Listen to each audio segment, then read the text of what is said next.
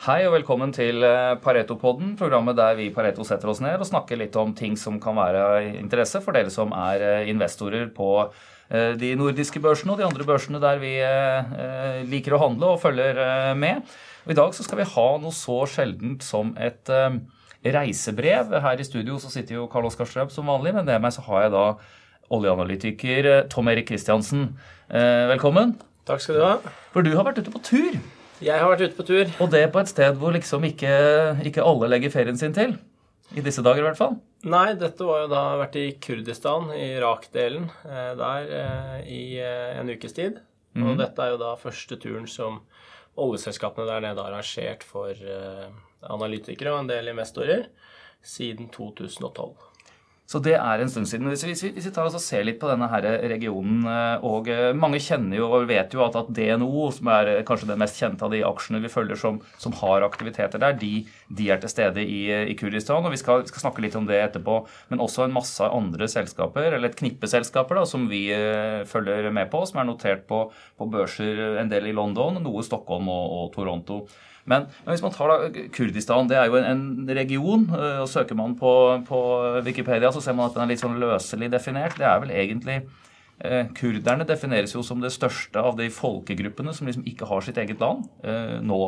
Og dette er jo områder hvor, hvor landegrensene har vært tegna litt sånn på forskjellig vis gjennom, eh, gjennom årene. Men, men det som, som, du var i nå, er den, det er Nord-Irak, rett og slett. ikke sant? Fjellområder nord i Irak hvor det bor en hovedsakelig kurdisk befolkning. Ja, der bor det faktisk nesten bare kurdere. Og det er i Nord-Irak, og, og, da grenser jo de egentlig over mot de, de tre andre kalde kurdiske områdene som skal splitte fire. Så du har Iran på den ene siden, Tyrkia mot nord. Også, og Syria, ja, hvor det jo nå er, uh, som man hører om på Dagsrevyen i disse dager, ikke sant? hvor ja. det er litt eh, forny, på, ny, på, nytt litt kamphandlinger.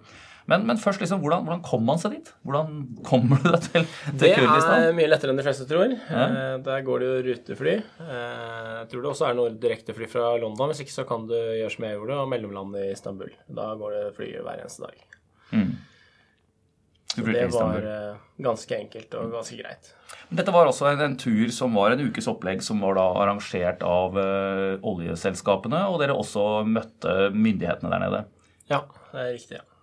Eh, ja, du får eh, fortelle egentlig. Hvordan var turen? Jeg syns dette var egentlig veldig positivt. Jeg skal trekke fram noen ting. Det første alle lurer på, er jo litt sikkerhetssituasjonen. Eh, hvordan det ser ut. Det føles jo veldig trygt å være der. Jeg tror det man glemmer ofte, og spesielt i alt det støyet med alle de tingene som har gått galt i resten av Irak, også i senere år.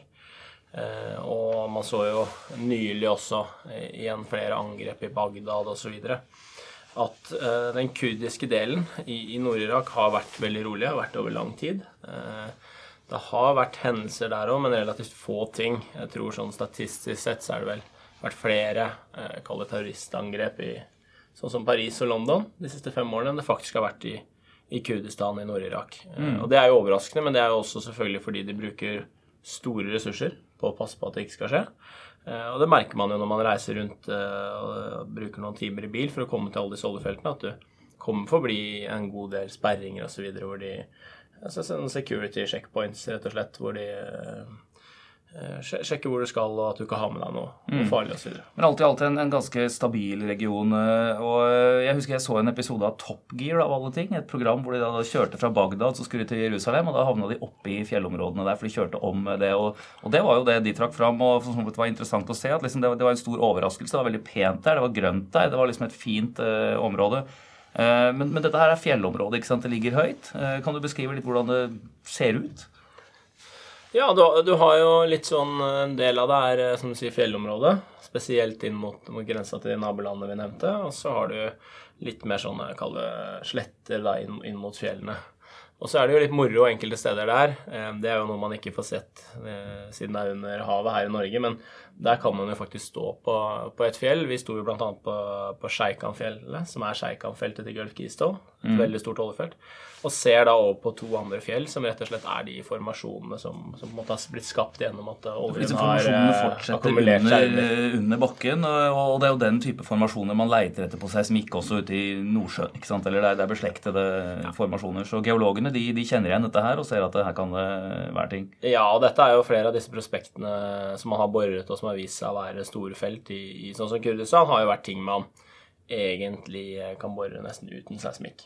Fordi ja. det er såpass interessant i utgangspunktet. Så dette er ting som, hvis det ikke var for den uh, politiske situasjonen som har vært i Irak kall det de siste 50-100 årene, og det at det har vært så utrolig mye olje i Sør-Irak, eh, og bl.a. at f.eks. Saddam Hussein ikke hadde så stort insentiv for at kurderne skulle bli så rike, når han styrte landet, så hadde jo du boret opp dette her lenge før disse internasjonale oljeselskapene kom inn i landet etter at uh, altså Irak-krigen i 2003. Mm. da. Så det, det er en, en oljerik region, og, og, dette er jo et av de stedene i verden hvor olje faktisk liksom har pipla opp av bakken enkelte steder òg, hvor man liksom i gamle Mesopotamia fylte oljelampene sine med, med, olje som var fra bakken. Ja. Uh, så, så, noen av disse forekomstene har vært kjent veldig lenge. men men uh, disse selskapene vi uh, følger, de er jo børsnoterte selskaper. De må forholde seg til internasjonale investorer. De har fått finansiering og går inn i denne regionen og, og borer. Kan, kan, du gi oss en litt sånn temperaturmåling på, på hvordan uh, situasjonen er for disse nå? Nå er det jo egentlig svært bra.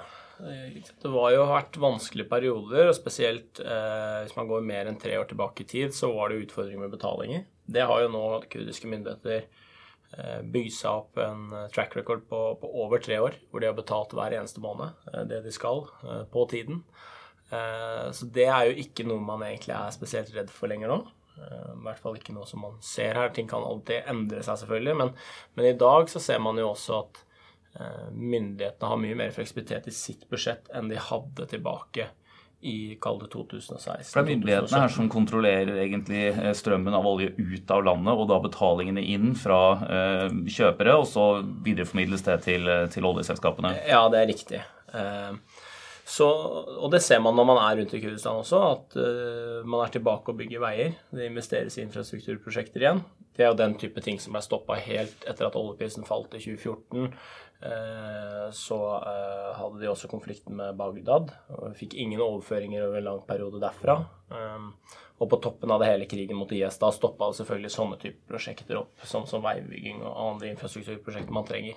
Det er tilbake igjen, og det ser man når man kjører rundt, at aktiviteten er høy, og, det reflekterer egentlig det som vi har argumentert for en, jeg tror i hvert fall i over et år, at myndighetene nå faktisk er Eh, i et overskudd da, på månedlig basis. Det betyr jo ikke at det ikke er masse ting som er viktig å bruke penger på, men det betyr at hvis du tar eh, det de minimum trenger for å betale sykepleierne og lærerne og, og andre offentlige ansatte, og det de trenger for å betale oljeselskapene, Eh, så har de faktisk litt mer enn det nå.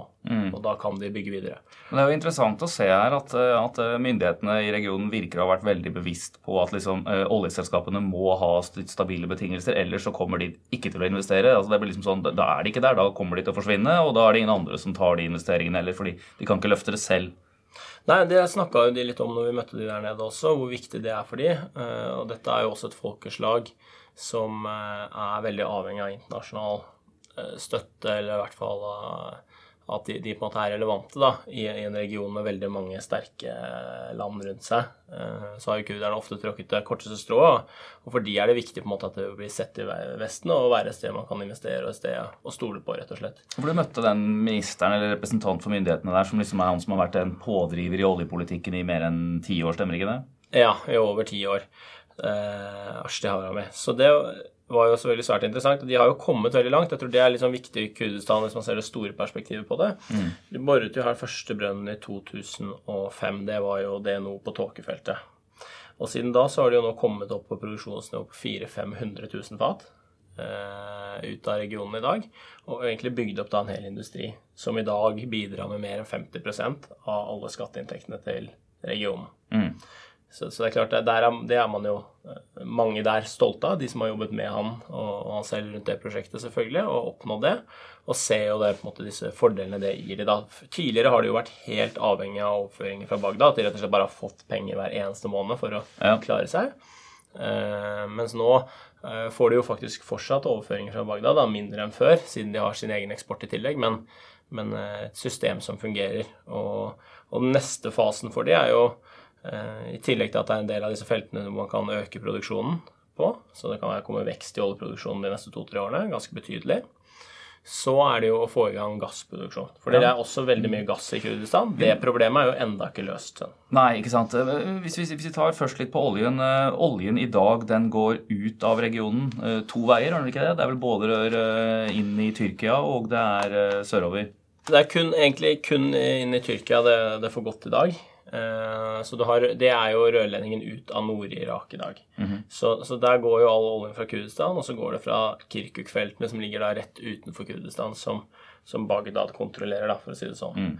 Og Det er jo, det, det er jo noen av de feltene de deler olje, eller pengestrømmen fra, er det ikke det? sånn, det, Hvis det er en av de tingene som liksom, så har de en fordelingsnøkkel på det. Men, nei, men det er riktig som du sier, og det var jo ting dere så eksempler på der. at det, det er litt sånn som det var i i Nordsjøen og på en del andre oljefelter i, i gamle dager. I redusert grad nå, heldigvis, men det er jo at man, man brenner av gassen. Fordi du, når du får opp olje, så får du opp en del gass, og den mm. flares, som man sier. Altså du, du, du brenner den av. Og, og, det er jo en ressurs som de er interessert i å utvikle, ikke sant? Ja, og det, og det man ser i Kurdistan, er at man egentlig har to ting. da. Eh, man har jo det at man har store gassfelt som enda ikke er bygd ut. Som eh, man trenger gassinfrastruktur for å bygge ut. og hvis man får til det, da kan man jo også eh, mest sannsynlig da knytte inn gassproduksjon fra alle feltene, altså sånn assosiert gassproduksjon. Det er ikke eh, De feltene som har blitt bygd ut, altså oljefeltene i dag, er jo hovedsakelig oljefelt. Så, så, men man brenner allikevel da en god del gass, ja i den prosessen. Så Det er jo å det neste steget for dem, å få fart på den industrien. Og sånn som Genell jobber jo eh, veldig hardt med å få i gang sånn en type fase 1-utbygging av et veldig stort gassfelt de sitter på. Men er det olje, nei, gasseksport eller bruk i gasskraftverk man ser på da? I, I, første omgang så er det jo bruk i eh, Kurdistan selv, i gasskraftverk. Bytte ut eh, I dag så genererer det jo en del kraft fra diesel. Et av de få stedene i verden som fortsatt gjør det. Så det betyr jo at du har store eh, fordeler av det rent økonomisk, og, og også eh, for miljøet hvis du klarer å få bytta det om til gass. Men det krever jo en del investeringer eh, og en del ting som på en måte må på plass. da F.eks. en sånn avtale hvor eh, myndighetene binder seg til å kjøpe visse volum gass til en gitt pris over lange perioder osv. for å insentivere disse investeringene. da. Mm. Eh, så det, det, jobbes det med nå, og det jobbes nok mye mer med nå enn for noen år siden, hvor hovedfokus måtte være å få produksjonen på disse viktigste oljefeltene. da. De selskapene vi følger med på der, er jo Genel, Gulf, Keystone, Shamaran, eh, også da DNO. Men eh, dette er jo også en, en, region hvor enkelte av de såkalte oil majors, de svære eh, internasjonale, som også er lenger sør i Irak og andre plasser, er, er til stede. Er, er, det ikke sånn at det er ett stort prosjekt som noen av de her også eh, ser på? Vi møtte jo med Chevron når vi var der nå. De er sammen eh, med Genel partnere på et eh, utbyggingsprosjekt innenfor olje. Det er Sarta-feltet. Skal begynne å produsere neste år. Uh, hvor de er jo veldig positive og tror det er et veldig stort felt som skal bygges ut over mange faser. Da. Fase 1 er 20 000 fat, og de ser for seg at man kan bygge videre på det over tid. Eh, og så ser du jo sånn som nå har Exxon som partner på en av sine leteblokker, hvor de borer letebrønner nå. Eh, så de er jo til stede, absolutt. Og, og, man har jo visst hele tiden, egentlig, og blitt bevist gjennom de første resultatene når disse nå store oljeselskapene sånn som det nå Genel Gulf Keystone gikk inn og investerte i leting i, i, i tidlig fase, at, at, det er mye ressurser her. Mm. Så de store er absolutt til stede, men de har jo vært litt på sidelinja, sikkert mye pga. politiske eh, osv. Så, videre, så langt i forhold til det å ta på seg store operatørskap, da. Mm. Eh, men rørledningen ut den har kapasitet til å ta mye mer olje hvis det skulle så det er, det er, ingen flaskehals der man ser på der for å få økt produksjonen? Den kan ta mye mer olje. Den har jo også fått inn Rosneft som storeier eh, der, og de har investert i å øke kapasiteten også, så det er ingen eh, flaskehals ut av Kurdistan der. Så det handler egentlig kun om å få oljen opp av bakken. Mm, mm, mm. Rosneft er jo russisk, et av de russiske sånn halvstatlige eller, eh, selskapene ikke sant? som da eh, er medeier i den, eh, den eh, rørledningen som da går inn i Tyrkia. Så her er det jo mange, mange interessante figurer som sitter på alle sider av bordet. Mm.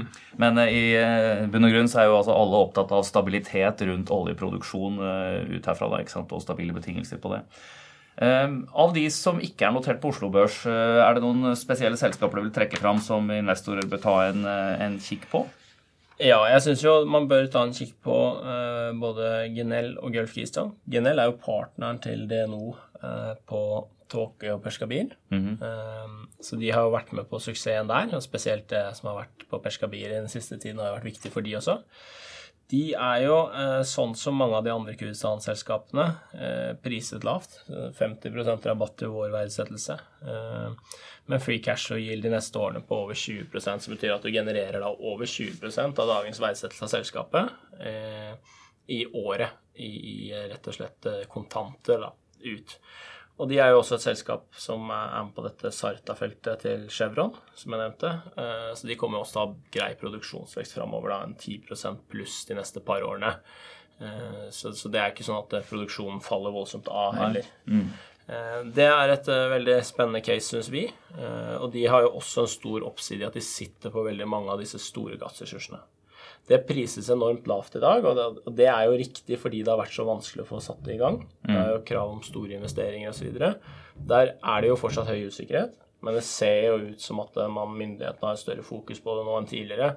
At man er på vei til å finne liksom noen løsninger og få, få, startet opp. da. Og når man har fått gjort fase én, så er det klart da blir det jo lettere å gå inn i fase to osv. Ja, ja, da det går skritt for skritt. Mm. Men man må ta skritt for skritt, og, og der er det jo Eh, potensielt at de kan få framdrift på det over de neste månedene. og det er i hvert fall Selskapet selv håper jo veldig på det, og, og har åpenbart vært i mye samtale med myndighetene osv. Så man se ser hva det, hva det, kommer til til slutt. Det har jo tatt lang tid, det med gass i, Kurdistan av forskjellige grunner.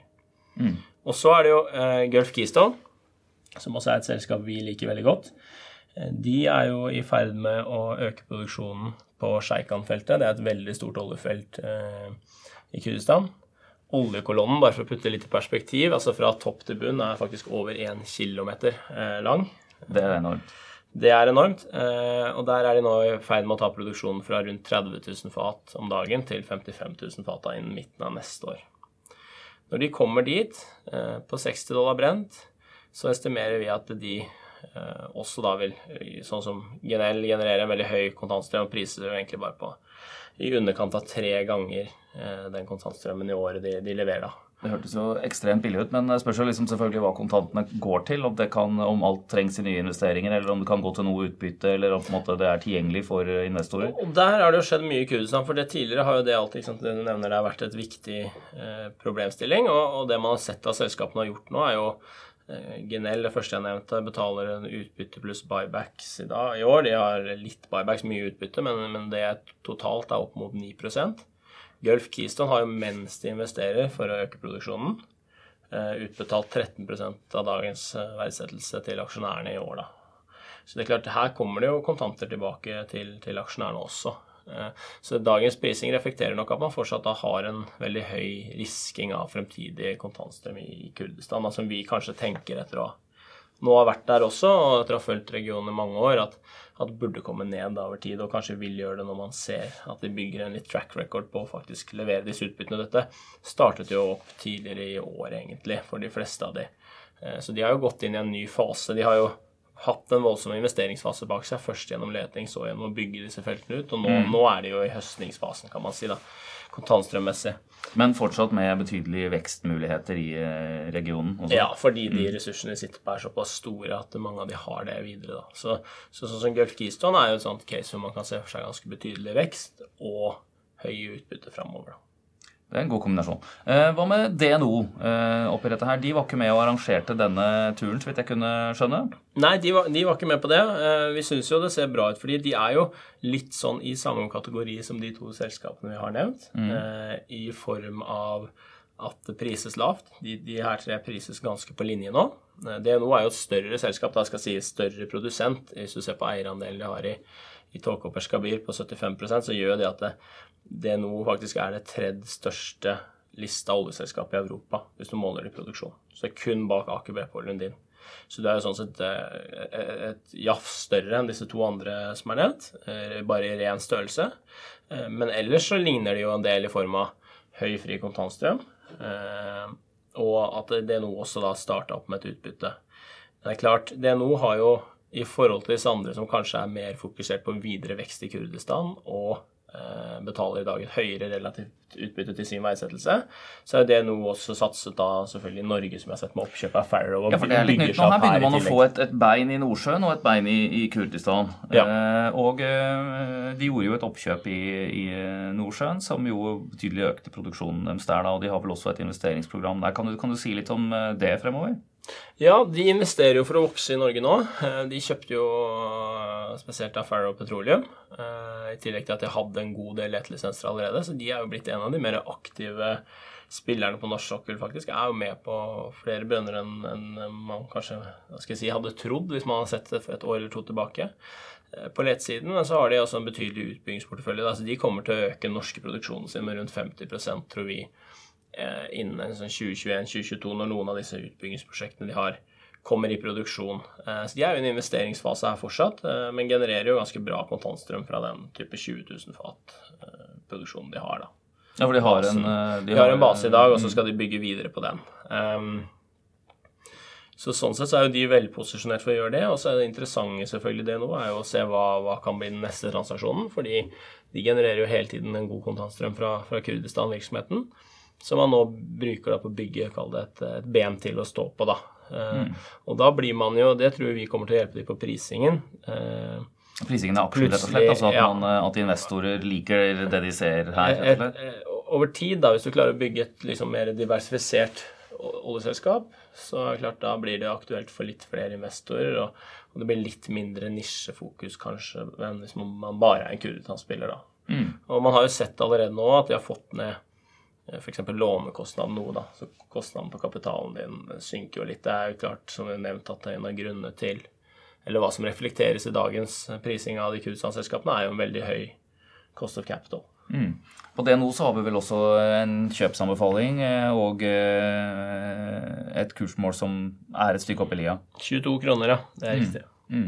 Bra. Og så skal det jo sies at disse oljeselskapene her, og det er jo litt viktig, og det kan man komme til på disse andre norske etter hvert også, eh, er jo at man er jo i en verden nå med oljepris på i dag rett under 60 dollar per fat, og, og det er mye skriving om at det ikke er så bra osv., men, men det er jo veldig fint for oljeselskapene. Mm. Produsentene klarer seg veldig bra med det, har høy lønnsomhet og, og genererer jo mer fri kontantstrøm nå enn egentlig, egentlig noen gang før. Ja, fordi eh, her er det også en, en høy dollar, så liksom omregnet til norske kroner så er det jo selvfølgelig bra. Men det er jo også litt spesielt for, for, Norge. Men eh, for selskapene er jo, er jo rapporterer jo i dollar, så det betyr ikke så mye. Men, men, vi var jo ute i slutten av august med en eh, rapport, en research report, som het ja, Updated Sector Recommendations, rett og slett, hvor, hvor man da tok og, og oppdaterte alle anbefalingene for en noe lavere oljeprisbane enn det vi så for oss ved inngangen til, til året. Men, men, fortsatt så er dette her en, en det du vil si en god oljepris for oljeselskapene? Ja, absolutt. Og hvis man ser på eh, hva vi bruker nå, så ligger vi på lang sikt med 65 dollar brent som oljepris. Mm. Der er det jo bare 5-6-7 dollar til. Så det er ikke så langt fra der vi er i dag. Og, og, skulle man bli her man er nå, så ser vi fortsatt bra oppside i, i mange av aksjene, egentlig. Så man, man må ikke tro på at oljeprisen skal opp for å investere i en god del av de oljeaksjene vi dekker nå. Men Hvis vi tar spranget da litt fra eh, For nå har vi jo det nå som en sånn liten eh, bro som har brakt oss over til, eh, til Nordsjøen. Der har vi også noen cases som er høyt på radaren din, og hvor, hvor det har skjedd også en del begivenheter de siste ukene, egentlig. Da tenker jeg på oppstart av Sverdrup. Nye, ja. kjempestore oljefelter, må man si, i, i Nordsjøen. Det er jo ekstremt stort, og man kan jo si på en måte endelig er man her. Vi har jo brukt nå ganske mange år, i hvert fall via analytikerne, på å snakke om hvor, eh, hvor bra dette blir når Sverdrup først er i produksjon. Eh, Equinor, Lundin, Aker BP osv. har jo investert store summer her på å bygge det ut. Det har man visst hele tiden har kommet til å bli veldig lønnsomt, men, men det har jo vært en eh, stor jobb fra sånn som Aker BP gikk fra å være et relativt lite oljeselskap til, til nå å bli en så stor produsent som det har blitt, og finansiere opp dette her og, og komme dit man er. Eh, så det, så det er stor, eh, et stort eh, øyeblikk for, for, alle disse selskapene å få dette i produksjon. Og man ser jo da også at lønnsomheten kommer til å komme. Equinor guider jo nå at de skal nå fase 1-platået neste år, i midten av neste år. 440 000 fat olje med to dollar kostnad. Det er to, dollar kostnad. To dollar kostnad. Det så da på dagens oljepris så er jo marginen ja. uh, sånn 55 pluss dollar per fat. Så, så, det er klart, her har du ekstrem lønnsomhet nå som har kommet inn i produksjonsfasen. Og, og, man ser jo det litt også. Du har jo sånn som Equinor eh, annonserer jo eh, største tilbakekjøpsprogrammet de noen gang har hatt. 5 milliarder dollar. Men det de kjøper tilbake der nå, de 5 milliarder dollarene, det, det er vel mer eller mindre de der såkalte script-aksjene? Det de ga aksjer som utbytte? Eh, det er en god del mer enn det, faktisk. Det mhm. kommer til å bli. Det kommer til å bli en god del mer enn det. Eh, og sender jo også et signal syns vi da veldig positivt til aksjonærene. Det har jo vært mye snakk om, og alle har egentlig visst at Equinor kom til å, å tjene veldig gode penger. Spesielt det de gjorde det i fjor. I år litt mindre pga. lavere gasspriser, og oljepris kommer litt ned fra, fra fjoråret, som var rekordbra. 2018 var jo et år hvor Equinor tjente 60% mer, eller hadde 60 høyere fri kontantstrøm enn de hadde i 2007, det forrige rekordåret. Så, så det sier jo litt om hvor bra det egentlig går. Eh, framover har man jo visst at den lønnsomheten kommer til å bli høy, og så har det jo vært litt spørsmål rundt kapitalallokering, egentlig. Man vet jo at de skal vokse innenfor fornybar. Der har de jo fått på plass en del viktige prosjekter innenfor vind, bl.a. offshore nylig. Mm. Men så har det jo vært et spørsmål, i hvert fall når man har sittet og sammenligna med de store utenlandske, altså BP, Shell, Total, eh, hva de gjør i forhold til utbytte og direkte avkastning til aksjonærene. Der har de jo lenge vært mye dårligere enn, enn sine utenlandske sammenlignbare selskaper. da. Det snur det jo litt på huet med dette tilbakekjøpsprogrammet. Samt at aksjekursene har vært relativt svake i år. Mm. Så hvis du ser på det nå, så er det jo bare Shell som har et helt enormt tilbakekjøpsprogram eh, gående de neste par årene, som betaler ut mer kapital, altså gjennom utbytte eller tilbakekjøp av egne aksjer, enn Equinor. Så vi tror jo at det der bildet når de sammenlignes også med de utenlandske, kommer til å endre seg en god del inn i neste år. og Det er en, god, en, en av de største årsakene til at vi er positive til aksjen nå. Vi tror jo at det at de nå kommer med samla utbytte pluss tilbakekjøp på opp mot 8 samtidig som du har en vekst på neste par årene pga. Sverdrup kommer til å vokse produksjonen med i overkant av 5% i snitt. Litt avhengig av hvor fort du ramper opp. Mm. Eh, og det er rundt to ganger resten av industrien. Altså, da får du plutselig et ledende utbytte, du får ledende vekst. og de guider jo allerede at de skal vokse med 3% i året i snitt fram til 2025. Så det, det, ser jo bra ut for dem. Ja, De tingene du sier nå, det er jo ting som gjør at det, det scorer veldig godt på, rang, på rent finansielle rangeringer som, eh, som, gjøres av investorer. Her er det vekst i inntjeningen fremover. Du har høy return til, til investorene. Men, men, men, man har sett litt over hele verden egentlig at det har blitt solgt ned den senere tiden. Det har liksom vært tunge, kan du si, da, en del av disse selskapene her. og eh, Det gir jo muligheter da, for, for, om bildet vi ser er riktig, og det ser jo egentlig ganske kan si, Scenarioet virker ganske robust. Eh, man er ganske sikker på at eh, det kommer til å bli sånn. Når det går på volum, så er selvfølgelig prisen alltid det den er. Det kan man jo observere i markedet. Men kontantstrømmen til selskapene, og det gjelder både Equinor, de andre norske, men også for så vidt en del av de store du nevnte, Shell, Eh, kommer jo til å bli sterkere. sterk. tror du vi kommer til å se en oppsving i populariteten til sektoren igjen fra finansielle investorer, altså andre aksjer. Eh, der er jo yield og liksom den form for parametere, det er man veldig interessert i. Ja. Du, du har jo aldri prisa de store oljeselskapene sånn som du priser i dag, før. Så du har aldri handla på disse nivåene egentlig som du er på nå, hvis du ser på direkte avkastning, hvis du ser på den type ting. Eh, så er det klart det du har hatt, er at du har hatt høy usikkerhet rundt oljepris. Det har du fortsatt. Eh, svinger relativt mye. Man ble nok litt godt vant i de der 100 dollar olje pluss-årene til at det var liksom den nye normalen, og dette er ganske stabilt. Det har jo ikke vært sånn historisk hvis du går og ser på oljepriser. Det har jo vært mye mer volatilt enn det var i den perioden, og det har man jo nok blitt litt sånn eh, Fått en påminnelse om, da, at det er. Det er jo én ting. Og så har det jo selvfølgelig vært også, og er fortsatt, og det er nok i økende grad, og man ser jo at selskapene nå tilpasser seg, helt klart et, et, press og en forventning om at de skal gjøre mer i forhold til uh, miljøutfordringer og i forhold til å være med og, og løfte fram fornybare energikilder spesielt. da. Mm. Uh, og, og, det skal jo sies òg, de har jo aldri vært bedre posisjonert for å gjøre nettopp det, for nå har de jo kontantstrømmen.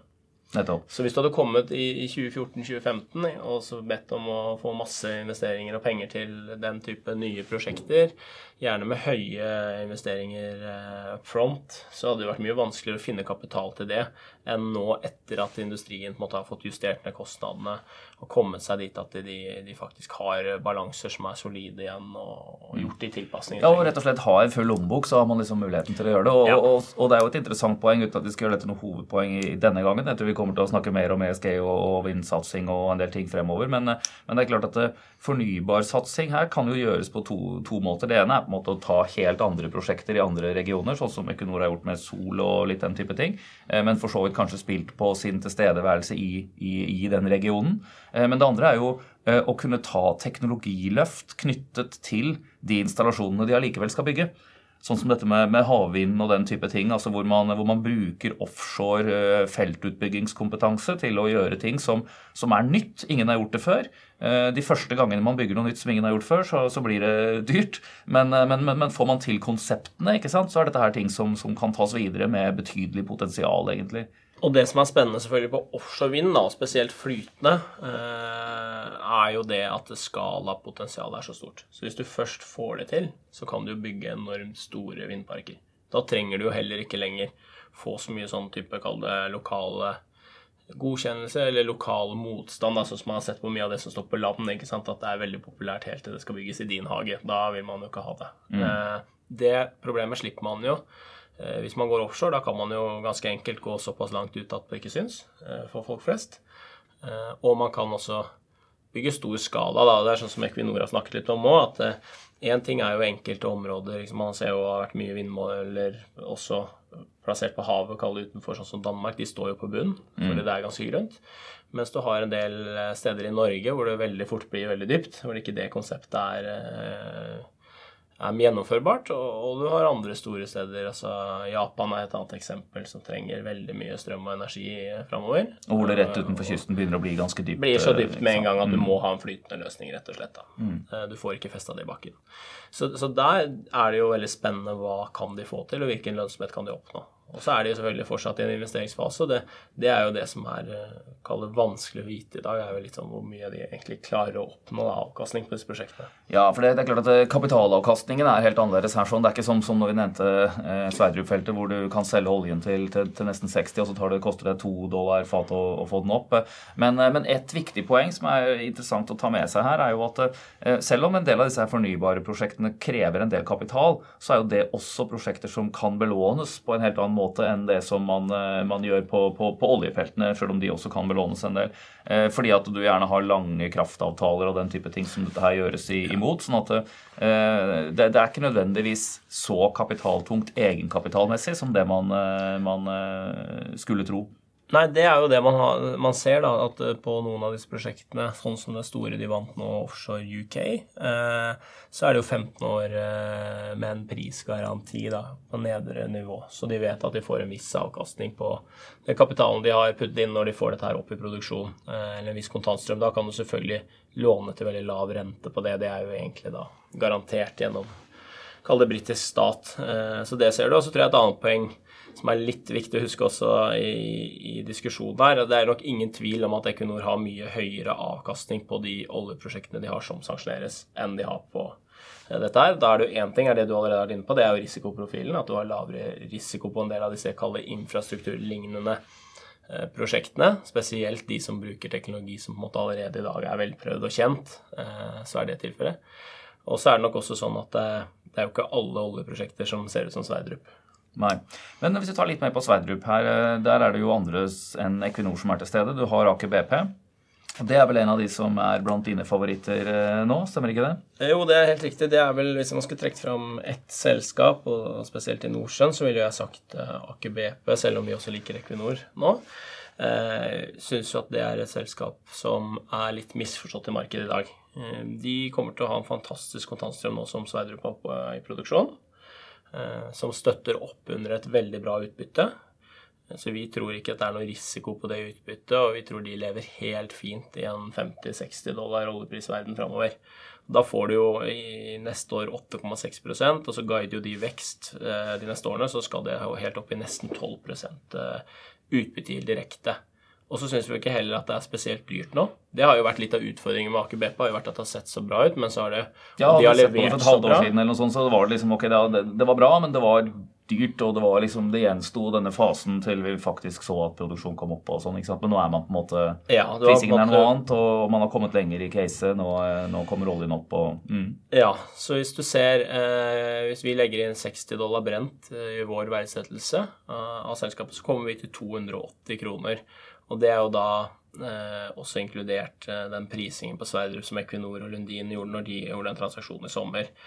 Um, og så er jo dette et selskap eh, som for det første skal vokse produksjonen mye fremover. Selv etter at Sverdrup er i produksjon, så har jo de felter og ressurser nok til at de selv har guida markedet på at de skal doble produksjonen enda en gang eh, fram til 2025. eh, Til 440 000 fat. Eh, gjorde noen store funn i sommer òg, så det kan godt hende de oppgraderer det målet enda mer nå, eh, litt senere når det kommer til kapitalmarkedsdag neste år. Så de, de har jo fortsatt en vekststory foran seg, samtidig som de betaler ut så mye utbytte. Og sist, men ikke minst, og det er noe vi liker svært godt her, er jo at dette er jo et selskap som virkelig har levert historisk. Dette var jo dyrt for to år siden, på 100 kroner. Da var det jo for dyrt. Og i dag står jo aksjen, når vi syns det er billig, i, i 2,30.